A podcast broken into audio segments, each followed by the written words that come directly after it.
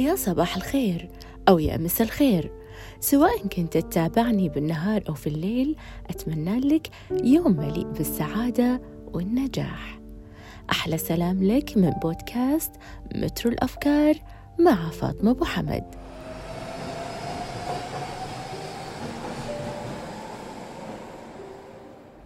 في كل أسبوع باخذكم في رحلة فكرية بمواضيع اجتماعية. إذا كنت مستعد يلا خلنا ننطلق في رحلة اليوم ونشوف المترو في أي محطة راح يوقف. محطة اليوم بعنوان حلق مع التسامح. للتسامح أجنحة تحلق بنا بعيدا عن أرض جذورها الغضب وثمارها مرارة وانتقام وهواؤها حزين. كل من يعيش عليها يبحث بلا جدوى عن علاج لمرض ما. أجنحة التسامح كانت ولا زالت دائما معلقة وتتبع الجميع وتنتظر من يتخذ القرار ليرتديها ويبتعد عن هذه الأرض ليذهب إلى أرض مزهرة بالسلام والراحة والسعادة. إنها حرية حقيقية من مشاعر سلبية. عبر العصور وفي كل الحضارات والثقافات كان في تركيز كبير على أهمية التسامح في حياة الإنسان. ولا زلنا لليوم نذكر أنفسنا والآخرين بأهمية التسامح. فبما أن الكل تكلم عن التسامح وأهمية التسامح ليش ما ياخذ كل إنسان قرار التسامح ويكون هذا السلوك بديهي وطبيعي؟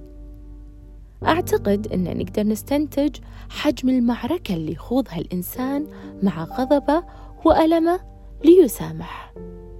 لليوم في أشخاص وايد ما يقدرون أن يسامحون أو إن صح التعبير ما يبون ياخذون هذا القرار. في من يعتقد أن عدم التسامح راح يغير الماضي أو الحاضر وياخذون حقهم. لكن للأسف ما راح يتغير شيء في الماضي مع عدم التسامح. وبالعكس راح يستمر هذا الألم من الظلم اللي وقع على هذا الشخص في حاضره ومستقبله. تأثيره لأبعاد كثيرة والدراسات أثبتت هذا الشيء. فمثلا جامعة هارفارد أجرت دراسة على أثر التسامح على صحة وحياة الأفراد. وكانت النتائج مثيرة للدهشة. فبعد أسبوعين بس من هذه الدراسة شافوا أن المشاركين اللي خذوا قرار التسامح انخفض عندهم معدل القلق والاكتئاب. إي نعم عدم التسامح أحيانا يؤدي إلى القلق والاكتئاب.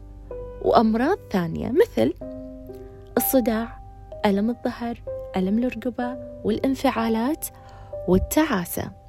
لكل شخص محتار أو رافض التسامح أقول له صدقني أنت تستحق حياة أفضل وأجمل وتستحق إنك تعيش في سلام.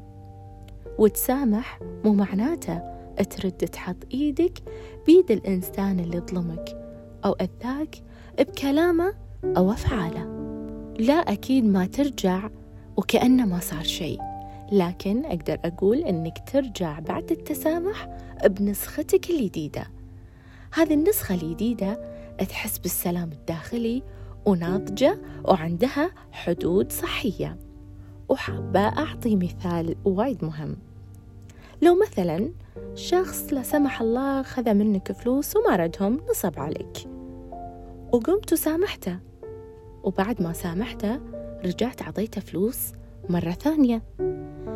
هني أنت لازم تعيد حساباتك مع نفسك لأن أول مرة هو اللي ظلمك لكن في الثانية أنت اللي ظلمت نفسك. تسامح حق نفسك وصحتك وحياتك.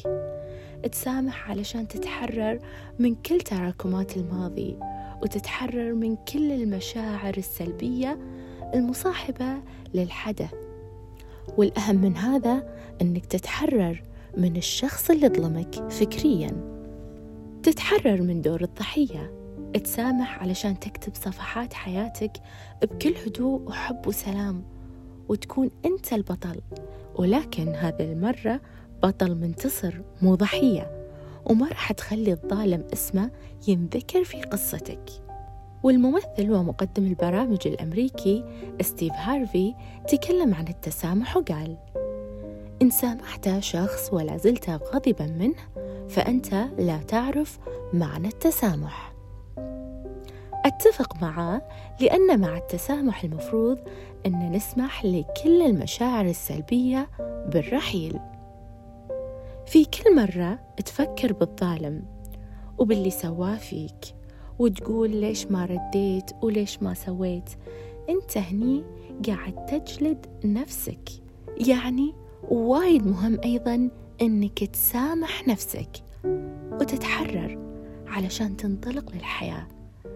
ففي أحداث مميزة وأشخاص مسالمين ناطرينك خارج أسوار ذكرياتك الحزينة. وفي فرص أجمل وأهمها أنك تعيش حر ومو مستعبد لمشاعرك السلبية. ومؤلفة كتاب سحر الترتيب اليابانية ماري كوندو تقول حين تريد ترتيب ملابسك تأكد أي قطعة تريد أن تأخذها معك إلى المستقبل. تخيلوا أن هذا الشيء مهم بالنسبة للأمور المادية والملموسة.